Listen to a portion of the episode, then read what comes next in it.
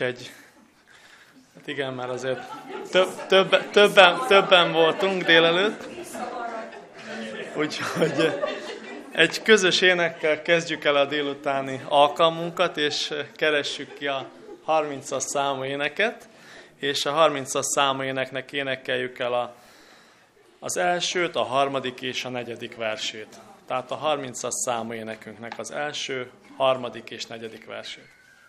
Isten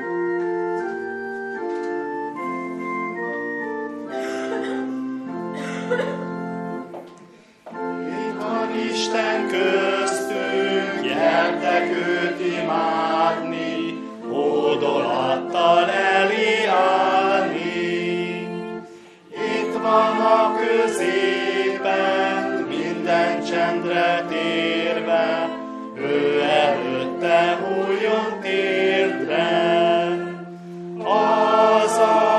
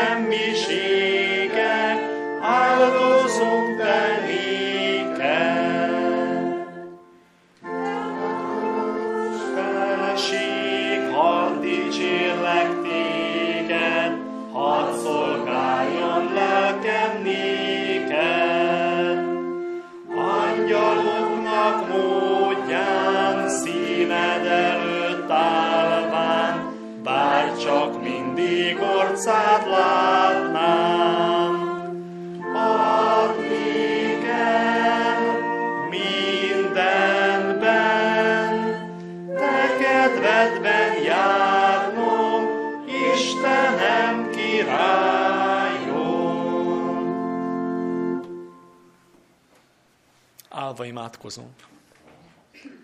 Szerető mennyi atyánk, hálásan köszönjük neked, hogy ismét eléd jöhetünk. Köszönjük, hogy megnyitni kívánod a te ígédet számunkra. És köszönjük, hogy ilyen gazdagon tápláltál bennünket a délelőtti órán is. Felhívod bennünket azokban, amiben gyengélkedünk, és hogy hogyan tudnánk a mi kapcsolatunkat veled megerősíteni. Kérünk, te segíts meg szolgádat is, add, hogy az az ige, amelyet ma az ő nyelvére helyeztél, add, hogy a mi szívünkben igazi talajra tudjon találni. Te segíts, hogy be tudjuk fogadni a Te ígédet, és hogy gyakorlattá váljon a mi életünkben. Kérünk, te áld meg az egész világon összegyűlt népedet, akik, akik most a Te nevedben összegyűltek, hogy hallják a Te üzenetedet. Kérünk, Te munkálkodj mindenki szívében, Te óvjál meg mindenkit bármilyen külső veszélytől, hogy az ige magvát nehogy ellopkodják előlünk. Köszönjük, hogy hálát adhatunk, és a békességért is, amelyben most részesülünk, a Te kegyelmed által. Amen.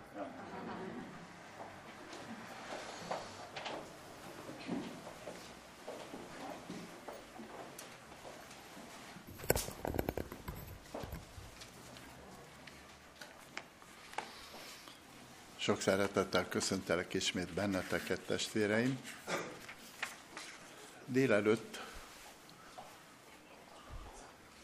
szó volt valamiről, ige tanulmányozásáról, szombatiskola kapcsán.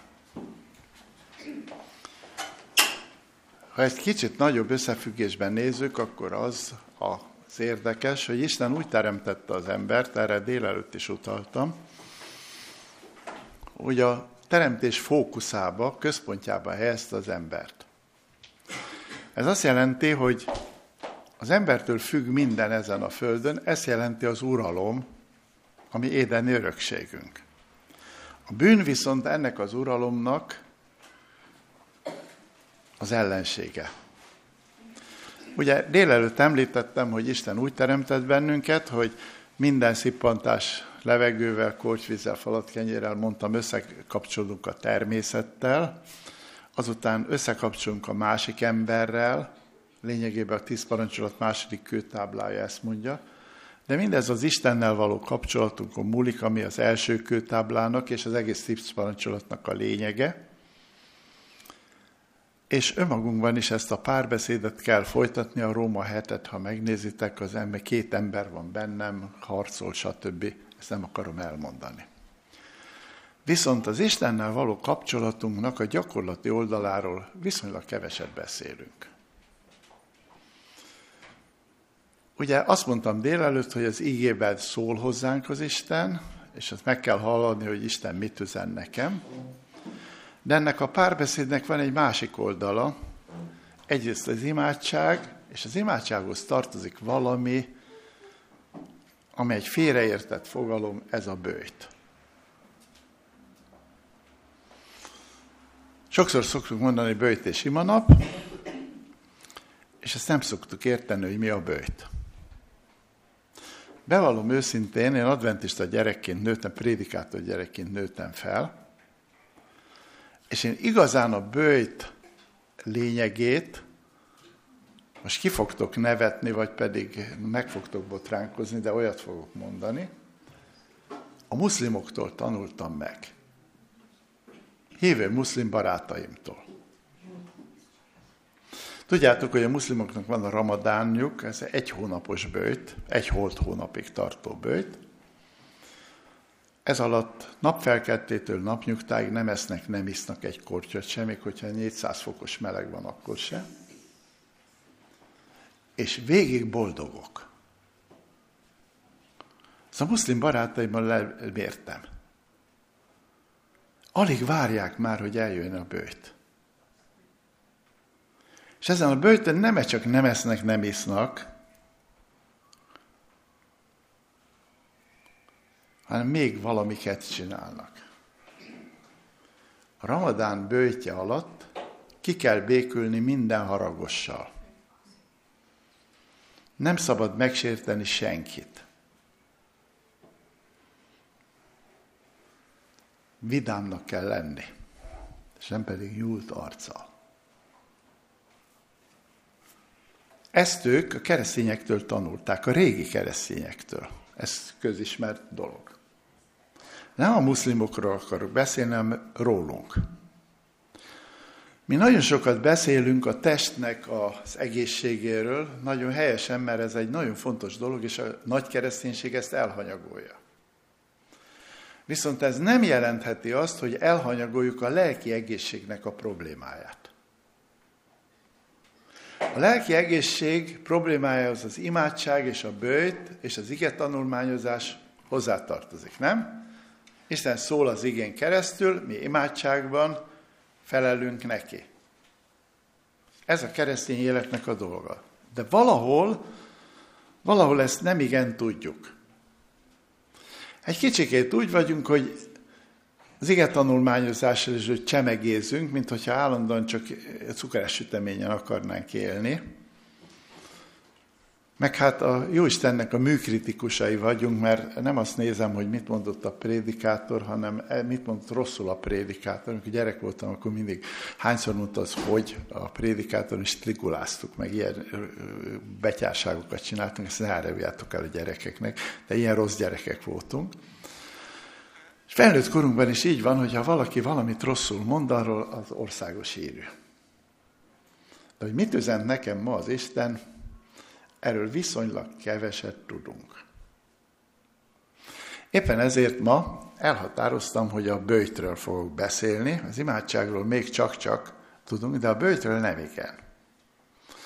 A bőjtöt lényegében ilyen fogyókúra receptszerűen akarjuk tenni, és mindig a bőjtről eszembe jut, Hát most név szerint megmondom, mert a testvér már nem él, volt egy aranyos, aranyos, kedves kollega, Simon Emil bácsi, aki zenetanár volt, és fél Magyarországot tanította harmóniumozni, csodálatosan szépen csellózott, stb. És amikor a munkába kerültem az egyházba, ez 1957. február 1-én volt, nektek még Krisztus előtt olyan régen volt, mert öreg ember vagyok, akkor ő ott volt, ebben a februárban lekerültem Balaton lellére, ez egy volt 56 miatt, hogy nehogy szem előtt legyünk a Halász István testvérrel, ő sincs már köztünk, Emil bácsi sincs itt köztünk. Számüzetésben voltunk Balaton lellén, és ott dolgoztunk, és az öreg úrnak voltak kísértései, akkor bőjtölt. Ez úgy volt, hogy ugye volt egy konyha, ahol a üdülők hát étkeztek, mi is onnan kaptunk ennivalót, és a bőjtölt az öreg, akkor felvitte a szobájába a reggeli, ebéd, vacsora három napig. És letelt a három nap, ami alatt kopogott már a szeme az öregnek, egy kis vékony szingár ember volt, vaságyjal együtt 20 kiló, ilyen vékony, akkor végigette ezt az egészet. És azután én sokat gondolkozom rajta, ez a bőjt, mert sokszor a bőjtnek az lenne a dolga, hogy a úrszavát jobban meghalljuk, de a gyomorkorgásunktól nem halljuk az úrszavát. Hogy is van ez a bőjt? Hát nézzük meg a Bibliát, és nézzük meg, hogy hogy is van. Ézsaiás könyve 58. fejezetéhez lapozzatok. Így kezdődik az ége. Kiálts, ne sajnáld a torkodat, harsogjon hangod, mint a kürt. Mondd meg népemnek, hogy mi a bűne. Jákob házának, hogy mi a vétke. Hú, ez egy kemény üzenet, így gondoljuk az egészet, nem? Hogy Izrael népének mi a bűne? Kiálts teljes torokkal. Sokszor a proféta kap ilyen kegyetlen üzenetet, mert ezt gondoljátok el, oda kellett állni a nép elő. A proféta az az az ember volt, aki profiémi, tehát az emberek előtt beszélt. Oda kellett állni az emberek előtt, és el kellett mondani, hogy az azt mondja az Úr. Gondoljátok el, hogy azt mondja az Úr, hogy amit teljes torokkal kellett kiáltani, hú, biztos valami cégéres bűnről van itt szó. Gondolná az ember, ha csak idáig olvas az igét. De olvasjuk tovább. Ők minden nap keresnek engem, szeretnék megismerni utaimat, mint egy olyan nép, amelynek tettei igazak és nem hagyja el az Isten törvényét, igaz döntéseket kérnek tőlem, szeretnének az Istenhez közel lenni. Ha bármilyen nép lennénk, nem? Hát miért kell akkor teljes torokkal kiáltani, amikor az Úr maga mondja el a népről ilyeneket, hogy ők minden nap keresnek engem, nem? Mi nem keressük az Urat, úgy tegyétek a szívetekre a kezeteket, de ne áruljátok el, hogy mire gondoltok. Én elárulom az enyémet, hogy én sajnos nem mindig. Aztán azt mondja itt tovább. Szeretnék megismerni utaimat. Tényleg így van? Mert mi sokszor az imádságban azt akarjuk, hogy az Úr a mi általunk megtervezett utat segítse elő, nem? Nagyon sokszor az imádság az akarat átvétel helyett akarat átvitel. Tehát nem én veszem át azt az akaratot, amit Isten megtervezett születésemtől fogva, hogy ő mit akar az én életemben. Nem azt kérdezem, hogy mit akarsz, Uram, hogy cselekedjen, hanem azt kérdezem, Uram, én mit akarok, hogy te cselekedjél.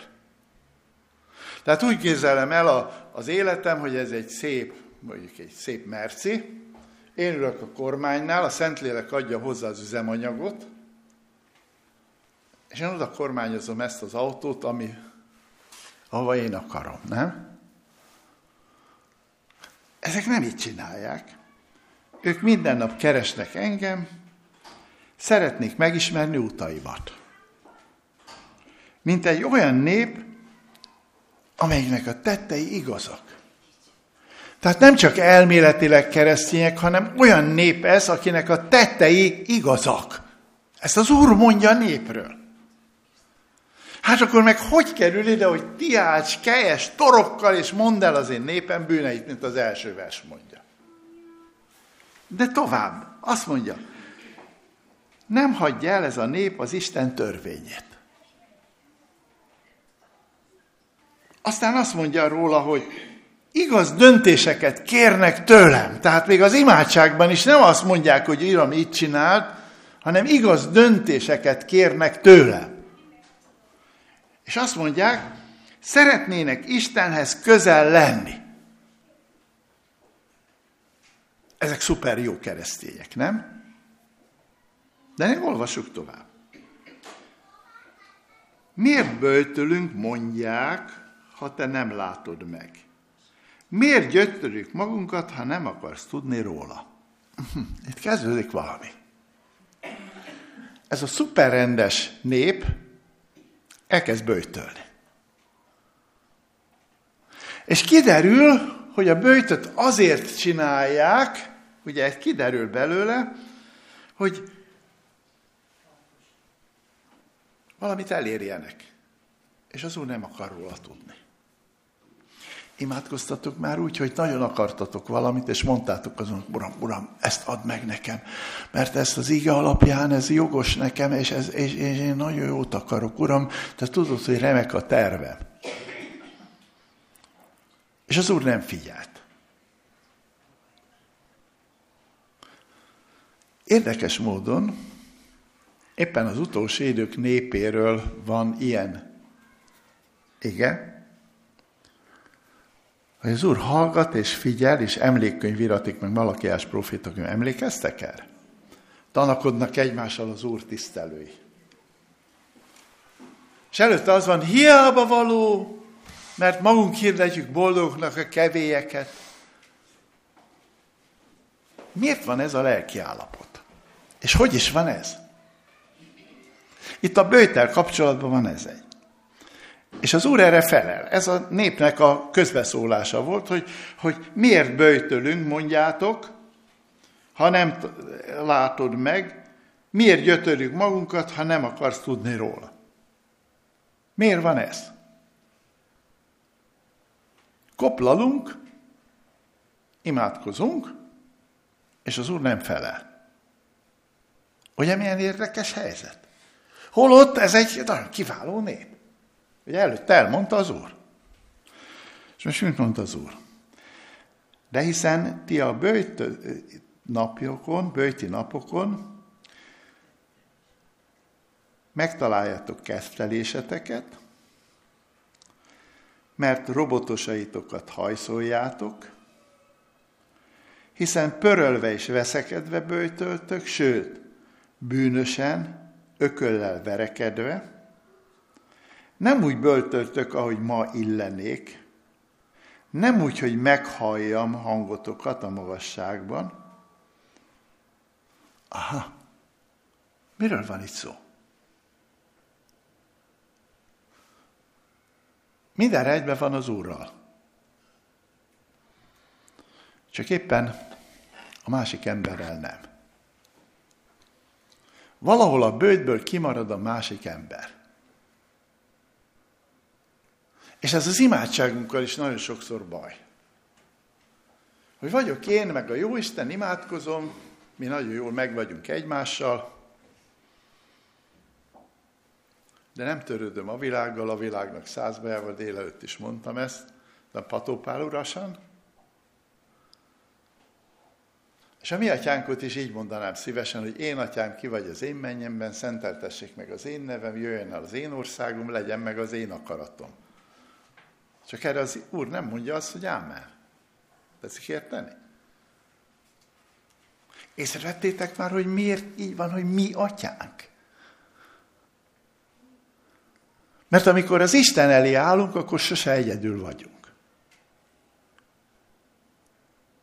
És erről, erről nem szabad elfelejtkezni. Nem lehet elmenekülni a mindennapi élet, az emberekkel való kapcsolat elől úgy, hogy vagyok én meg a jó Isten, és kizárom a másikat. Vagyis visszatérek oda, ahol kezdetben voltam, hogy az ember úgy ember, hogy ez a négy kapcsolat Isten ember, ember másik ember, ember és világ, és ember és önmaga között fent kell állni egy harmonikus kapcsolatnak. Most a bűn tulajdonképpen tudjátok mi? Hidrobbantás. Felrobban az Istennel való kapcsolatom, felrobban a másik emberrel való kapcsolatom, felrobban a világgal való kapcsolatom, és önmagam is depressziós leszek. Nem az a baj, hogy összeveszel a másikkal, akkor könnyű kibékülni, hogyha magaddal veszel össze, akkor békülj ki. Veszekedtetek már magatokkal? Mert én igen. Tudjátok, milyen rossz az? Valahol ez a híd romlik el, hogy Isten ember, ember, ember, ember világ és ember önmaga. Akkor hiába bőjtölök. Hiába mond, vonom meg magamtól a testi ételt.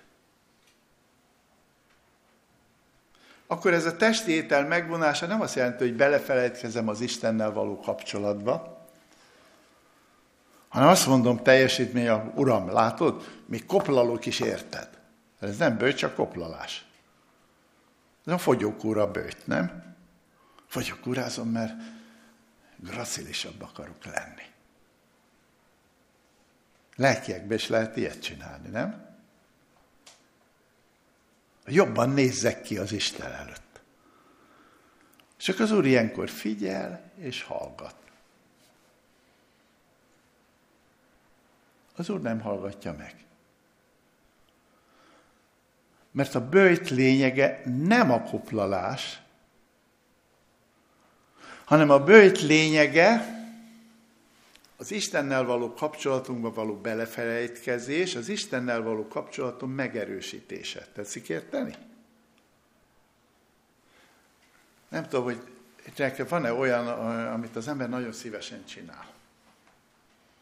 Nekem szokott lenni, egy jó könyvet olvasok, és elfelejtkezem ebédelni, vacsorázni, stb. Nem? De mindenkinél más. Volt egy nagyapám,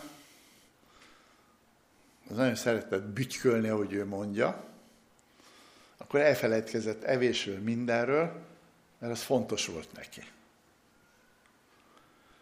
Vajon ez a belefelejtkezés a bőtöm lényege, vagy pedig az, hogy sóhajtozom, vagy úgy, mint Emil bácsi, hogy kirakom a kaját, és utána vég, végigeszem a három napot? Vagy, vagy hova? Koplalás ez, vagy micsoda? Mert akkor beáll az, hogy egy korgásomtól, az előbb mondtam, nem hallom az Isten szavát, nem? Meghatom az Istent azzal, hogy nem eszem. Úr, én annyira szeretlek téged, hogy nem is eszem érted. Csak Istent nem lehet meghatni, nem? A vőt az nem Istenért van, hanem én értem.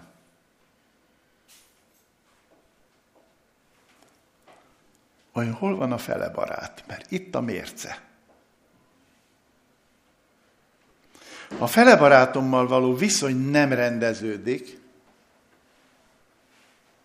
a muszlim épp ezt csinálja, hogyha hívő. Persze nem minden így muszlim hívő, azt értsétek, a terrorista az nem muszlim, az Törökországba elmentek, ott ki van írva a jobb mecsetekbe az, hogy aki muszlim, az nem terrorista, aki terrorista, nem muszlim. Nagy betűkkel ki van, törökül, angolul, stb. Szóval úgy is veszik. Ez nem úgy van, hogy minden muszlim terrorista, ez okstobaság. Ez éppen olyan, hogy, hogy Hitler állítólag keresztény. Tehát ez, Brezsnyev elvtárs keresztény volt, ortodox keresztény. Mikor meghalt a Brezsnyev én magam láttam tévébe, persze nem a magyarban, hanem az osztrák tévébe, hogy beszentelték rendesen. De ettől még nem keresztény. Adventista se keresztény, hogyha be van írva a gyülekezeti névsorba, csak nem úgy viselkedik, igaz? Nem úgy van? Szóval itt van az, ami, amit nagyon világosan kellene látni. A fele barátom méri le azt, hogy én mennyire be vagyok kapcsolatban az Istennel. Ezt mondja éppen a délelőtt is idézett utolsó példája, a hetedik példázat, Máté Evangélium 25. fejezetében, amikor jobb és bal keze felől állítja az embereket, amennyiben egyel megcselekedtétek. De hogy kételj ne legyen, olvassuk csak tovább ezt az igét. Ilyen az a bőjt, amely nekem tetszik, kérdezi az Úr. Milyen az a nap, amelyen az ember a lelkét gyötri? Ha lehajtja fejét, mint a káka, zsákböltözik és hamut szór maga alá, azt nevezitek bőjtnek és az Úr kedves napjára? Hát gondoljátok végig. Az Úrnak tetszik az, hogy te nem eszel, és közben korog a gyomrod, és állandóan arra gondolsz, hogy jaj, de jó, van egy kis túrós palacsinta, vagy mit tudom én, valami finom étel. Ez a bőt, ezt akarja az Úr, kérdezi itt az Úr tőlünk. De meg is válaszol. Azt mondja a hatodik verstől, nekem az olyan bőt tetszik, amikor leoldod a bűnösen fölrakott bilincseket, kibontod a járom köteleit, szabadon bocsájtod az elnyomottakat, és összetölsz minden jármat.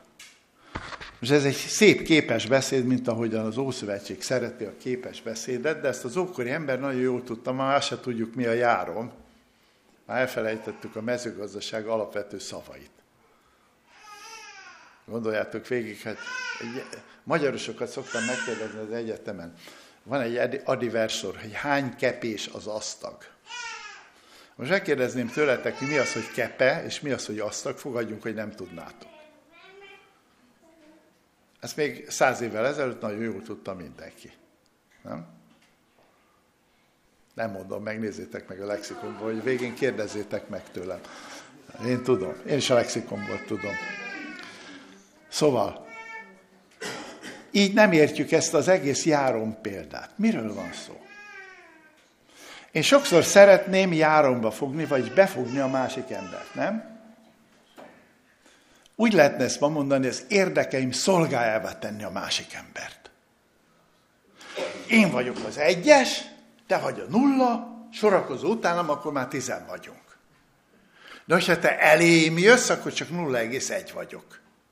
Tehát ezért minden erővel azon kell törekedni, hogy járomba fogjalak téged, és szolgámmá légy. Nem biztos, hogy ez egy ilyen fizikai rabszolgaság, ez egy lélekbe is lehet szolgává tenni, hogy én vagyok az, aki, én vagyok a döntő többség. És figyeljétek csak! Az Isten ennek az ellenkezőjét szereti. Azt, amikor leoldod a bűnösen felrakott bilincseket. Sokféle ilyen bűnösen felrakott bilincs van. Például a másik múltja vagy hibája.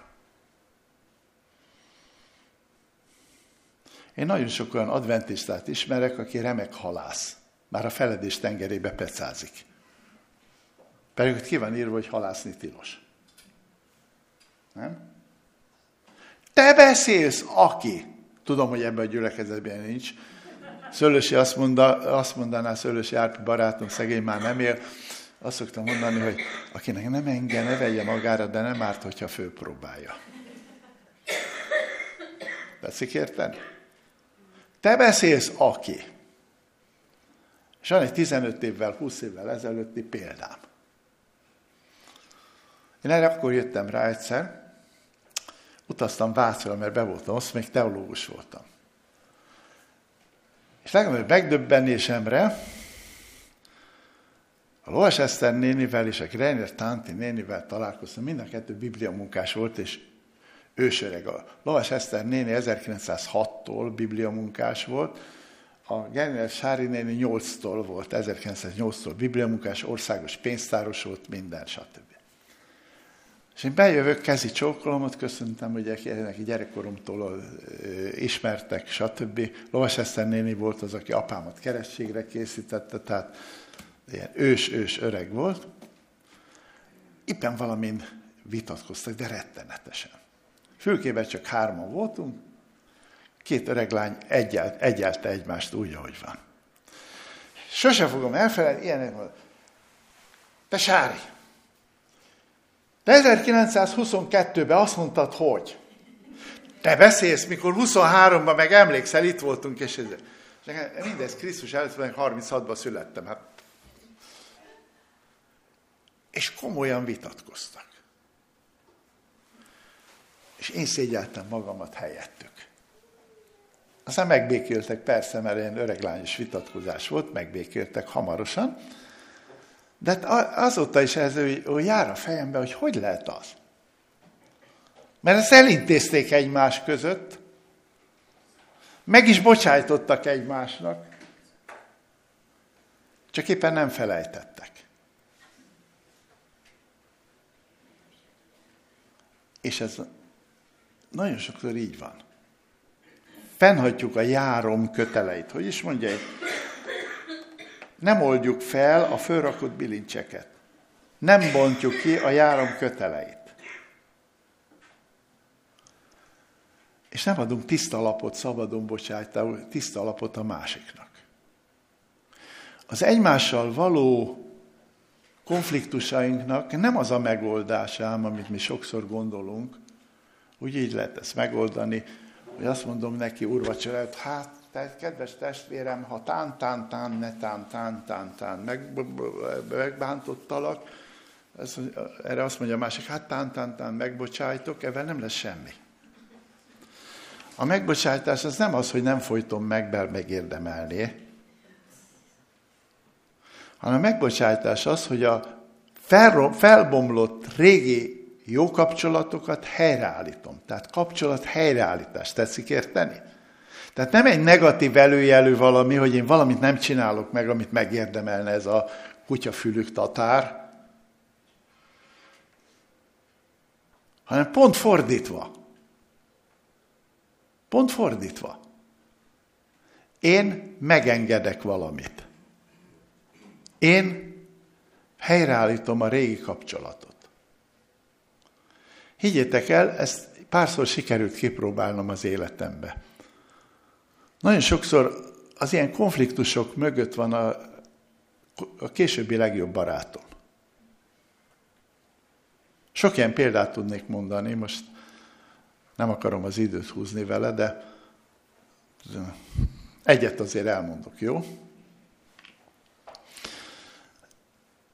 Én amikor nyugdíjba mentem, akkor nagyon kevés volt a nyugdíjam, és az egyház akkor úgy látta jónak, hogy nem reaktivál, és alapnyugdíjat kaptunk csak, mint egyházi alkalmazottat. A feleségemet is akkor megszűnt a vállalata, kitették, mert túlkoros volt már, úgyhogy két kus nyugdíjból sírva számoltak ki, hogy nem lesz elég a pénz.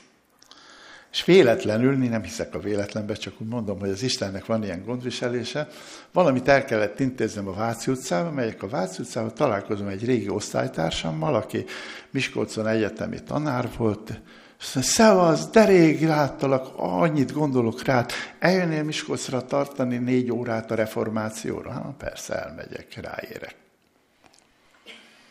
Elmentem, és utána most nem mondom, hogy hogy, oda kerültem az egyetemre, docensnek, de ez a felvételhez akkor még az volt a szabályzat, az egyetemi karitanácsnak kellett javaslatot tenni.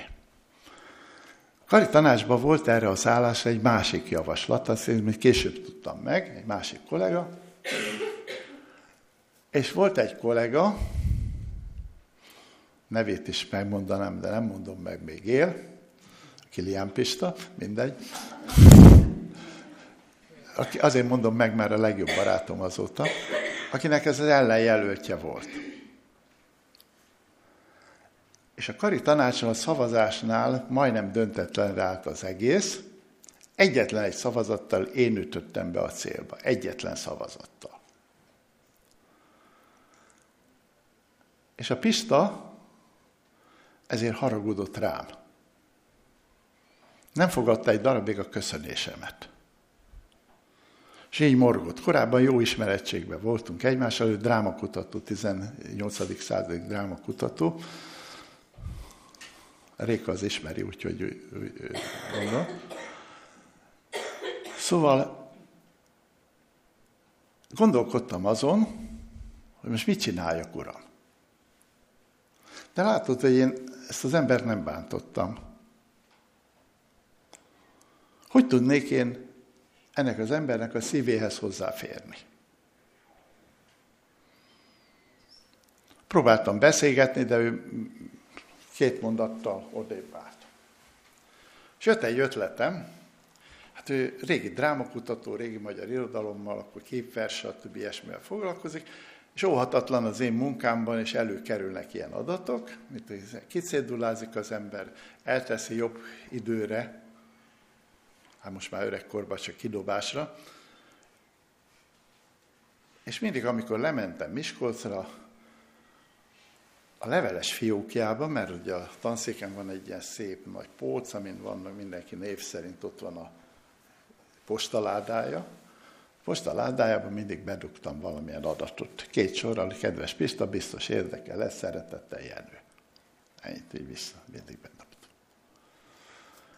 Ment így körülbelül öt hónapig.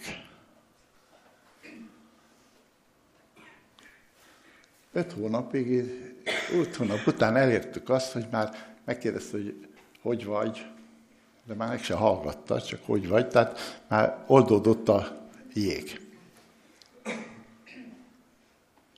És én meg egyre jobban élveztem, hogy, hogy örömet szerzek neki, mert titokban örült neki, hogy mindig, amit adtam, csak nem mutatta.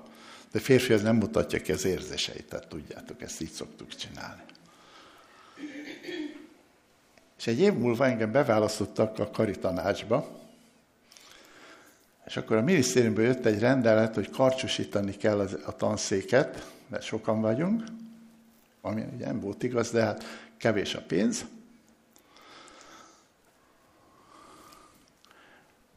És valaki bedobta, hogy a Kilián Pista nem kell. És aztán valaki már egy más nevet jelölt, egy oda nem illő kollégát, a gen politikusnak megérdemelte, hogy kitegyük, és népszerinti szavazás volt, nyílt szavazás.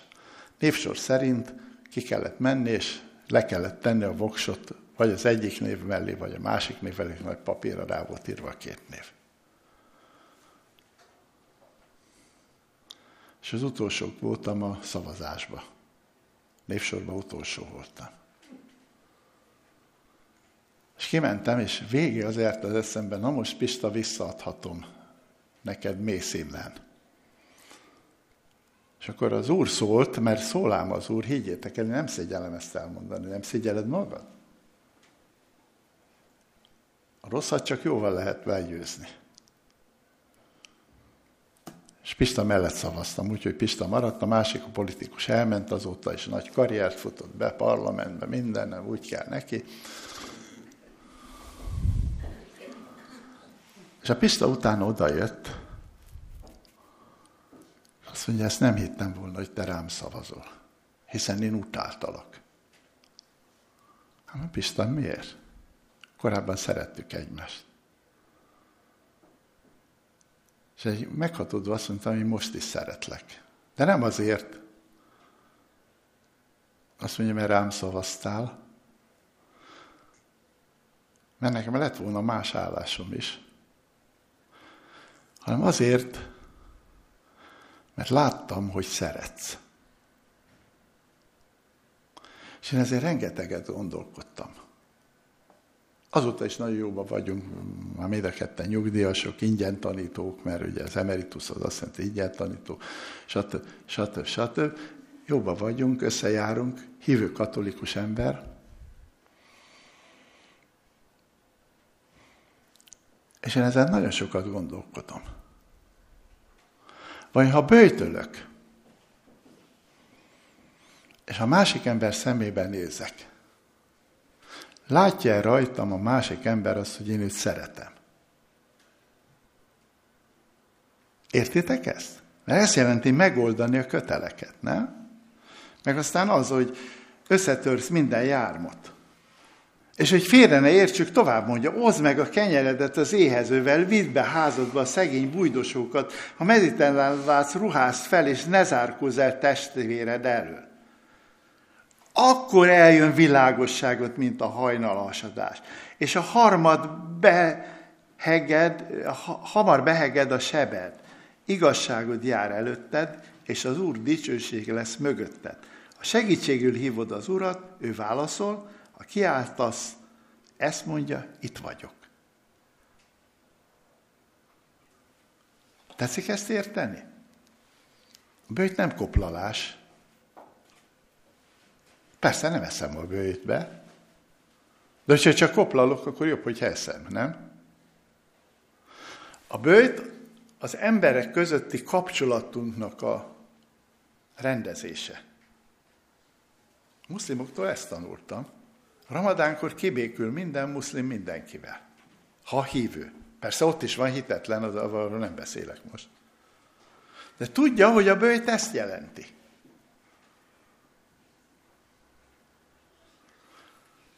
Vajon hogy állunk mi a bőjtel? Mert ez Istennel való kapcsolatunknak a dolga. És hogy állunk az imádsággal, mert az imádságnál is, is ez a lényege, hogy ha én nem rendezem el a, a fele barátommal a kapcsolatot, ahogy itt mondja Ézsaiásnál, akkor ez hiába való dolog, csak fogyókúrázom, nem? Lemegy egy kicsit a pocakom, ráfér. De nem bőjtöltem.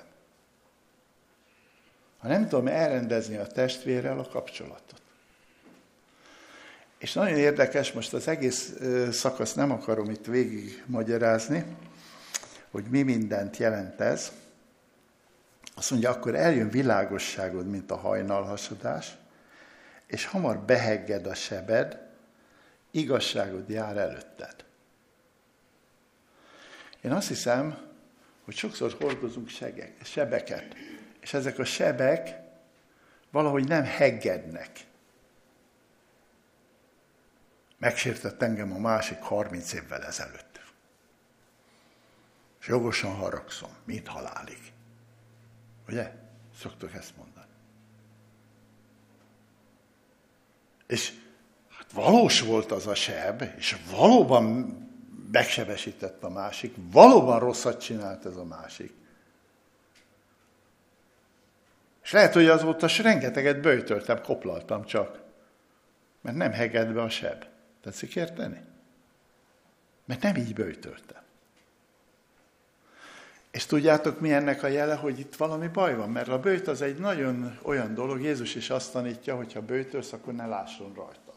De nem az a bőjt, hogy sóhajtozok, és a szomszédom húzatot kap, hogy szoktam volt mondani, annyira sóhajtozom, én nem eszem, Uram, koplalok. Kopog a szemem is, de érted, Uram? Mint ha meghatódna az Úr azért, mert én nagy méltóztatok nem enni. És közben Jézus azt mondja, hogy ha bőtölsz, akkor ne látszon ez rajtad. Az a lelkednek a dolga. De benne van a másik. Hogy mit hordozunk. Ha csúnyán akarnám mondani, akkor minden emberben van egy ilyen szemetes láda. Ami a másik hibája ellen elkövetett, ez az a van benne, nem? És nagyon nehezen tudjuk ezt a szemetes ládát kiüríteni, nem? Sok szemét ott rohad, most elnézést ezért gusztusan a hasonlatért, de ez így van, az ember szívébe ott rohad évekig. És nem tudsz felszabadulni tőle. Már pedig pontosan a kereszténység ezt jelenteni. Luther Márton azt mondta, és ez egy nagyon érdekes dolog, hogy két esetben van veszélybe az ember. Ha nem látja, hogy bűnös, és hogyha csak azt látja, hogy bűnös. Mind a kettő életveszélyes. És ez így van. Mert ha én megismertem Krisztust, akkor ki kell dobni a szemetet, a bűn szebetét a szívemből, nem? És ez nem úgy megy, hogy én a másikkal szembe őrzöm azt, hogy te ilyen vagy, te olyan vagy, te amolyan vagy, nem te, hanem csak te példálozok veled. Tehát ilyen vagy, olyan vagy, amolyan vagy, igaz? És ezt őrzöm magamban, és van egy ilyen mondás, egy pesti mondás, hogy mások hülyeségért magamat büntetem, igaz? Vagy mások bűnért magamat büntetem. Mert lehet, hogy a másik már nem is tudja, csak én kínozom magam, ahelyett, hogy megoldanám az igát, megoldanám a köteleket, mert ez nekem lenne jó. És az Istennel való kapcsolatom sinli meg ezt. Figyeljétek meg, hogy fejeződik ez be. Ha segítségül hívod az Urat, ő válaszol, Ha kiáltasz, ezt mondja, már az Úr, hogy itt vagyok. A hármas angyal üzenet záradéka hogy is van? Jelenések 14-12. Úgy kezdődik, itt van. Mi van utána? Szentek békességes tűrése. Az Isten parancsolatainál mindig csak a szombatot beszéljük, az csak egy része a parancsolatnak, a többi is van, mert aki egynek a meg, stb. ezt ismeritek. De valahogy nem beszélünk erről, hogy a békességes tűrés. És nem azt mondja, hogy majd itt lesz, akkor, hogyha oda vettük az irányt, és akkor majd a, feljutunk a lelkélet hegy tetejére, akkor majd békességes tűrők leszünk, hanem azt mondja, hogy itt van. Nem? Itt van. És ehhez az szükséges, ez a lelki higiéné, hogy a szemetes ládát öríts ki.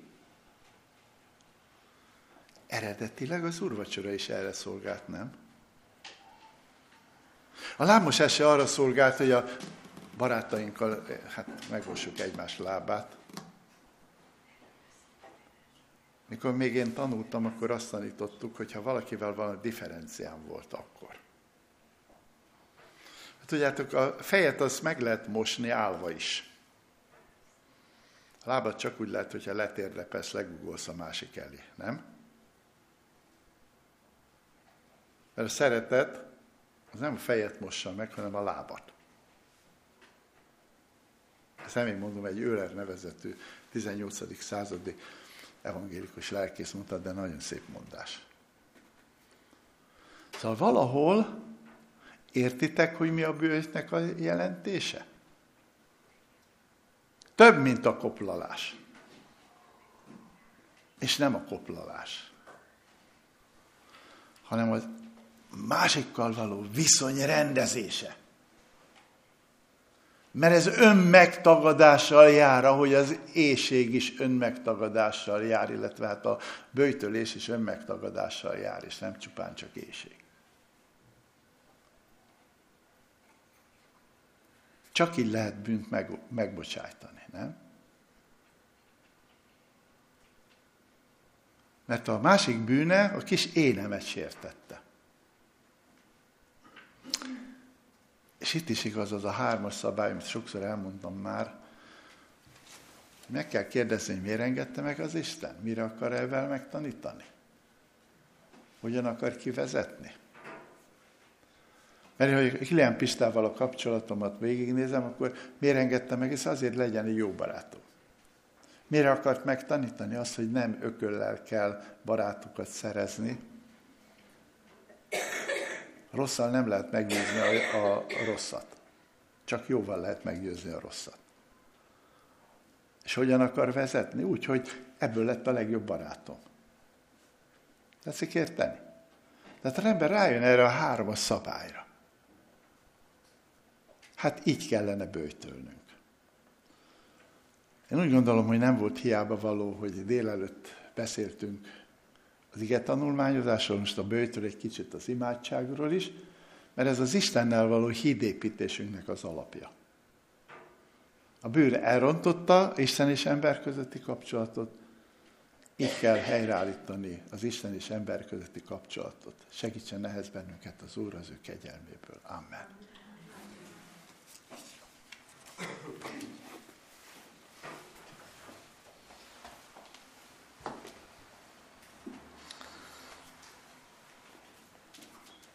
Délutáni hirdetésünket zárjuk le a 28-as számú énekkel, és a 28-as számú énekünknek az első és a második versét, és majd imádság után a harmadik versét.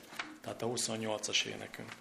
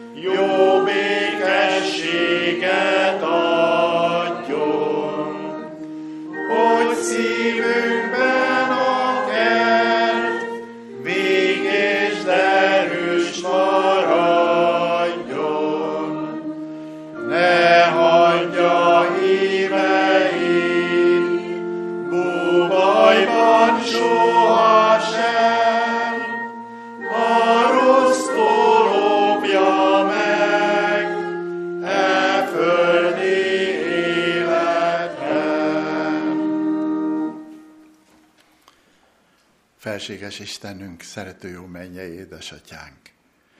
Te néked köszönjük meg, hogy a Te ígéd újra és újra tanít bennünket arra, hogy a másikkal való kapcsolatunk az nem egy mellékes dolog, hanem a Krisztussal való kapcsolatunk tükre. Istenünk, téged kérünk, add, hogy érezzük azt, hogy te itt vagy. Jézus az, aki nem ment el, hanem azt ígérte, hogy velünk valad minden napon a világ végezetéig. És ezért adj nékünk laudíciai szemgyógyító írt, hogy ne laudíciai módon lássunk, hogy mindent tudunk, mindent látunk, hanem tőled kérjük ezt a tűzben megpróbált aranyjal és a fehér ruhával együtt. Hogy mi úgy lássuk embertársainkat, ahogy téged látunk. Istenünk ad, hogy a másik ember jobbikényét felfedezzük. Ad, hogy azon törekedjünk, hogy mi embereket halásszunk, embereket mentsünk, és ez csak úgy lehet, hogyha mi bízni tudunk benned, és bízni tudunk a másikban. Add a te áldásodat miránk, és add a te vezetésedet. Jézusért, fiadért kérünk, hallgass meg imánkat azokért az emberekért, akik küzdenek.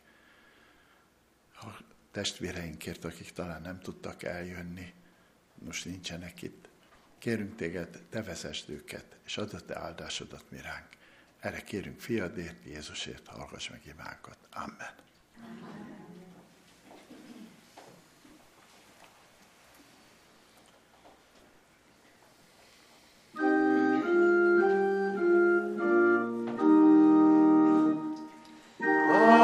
Atyát és fiút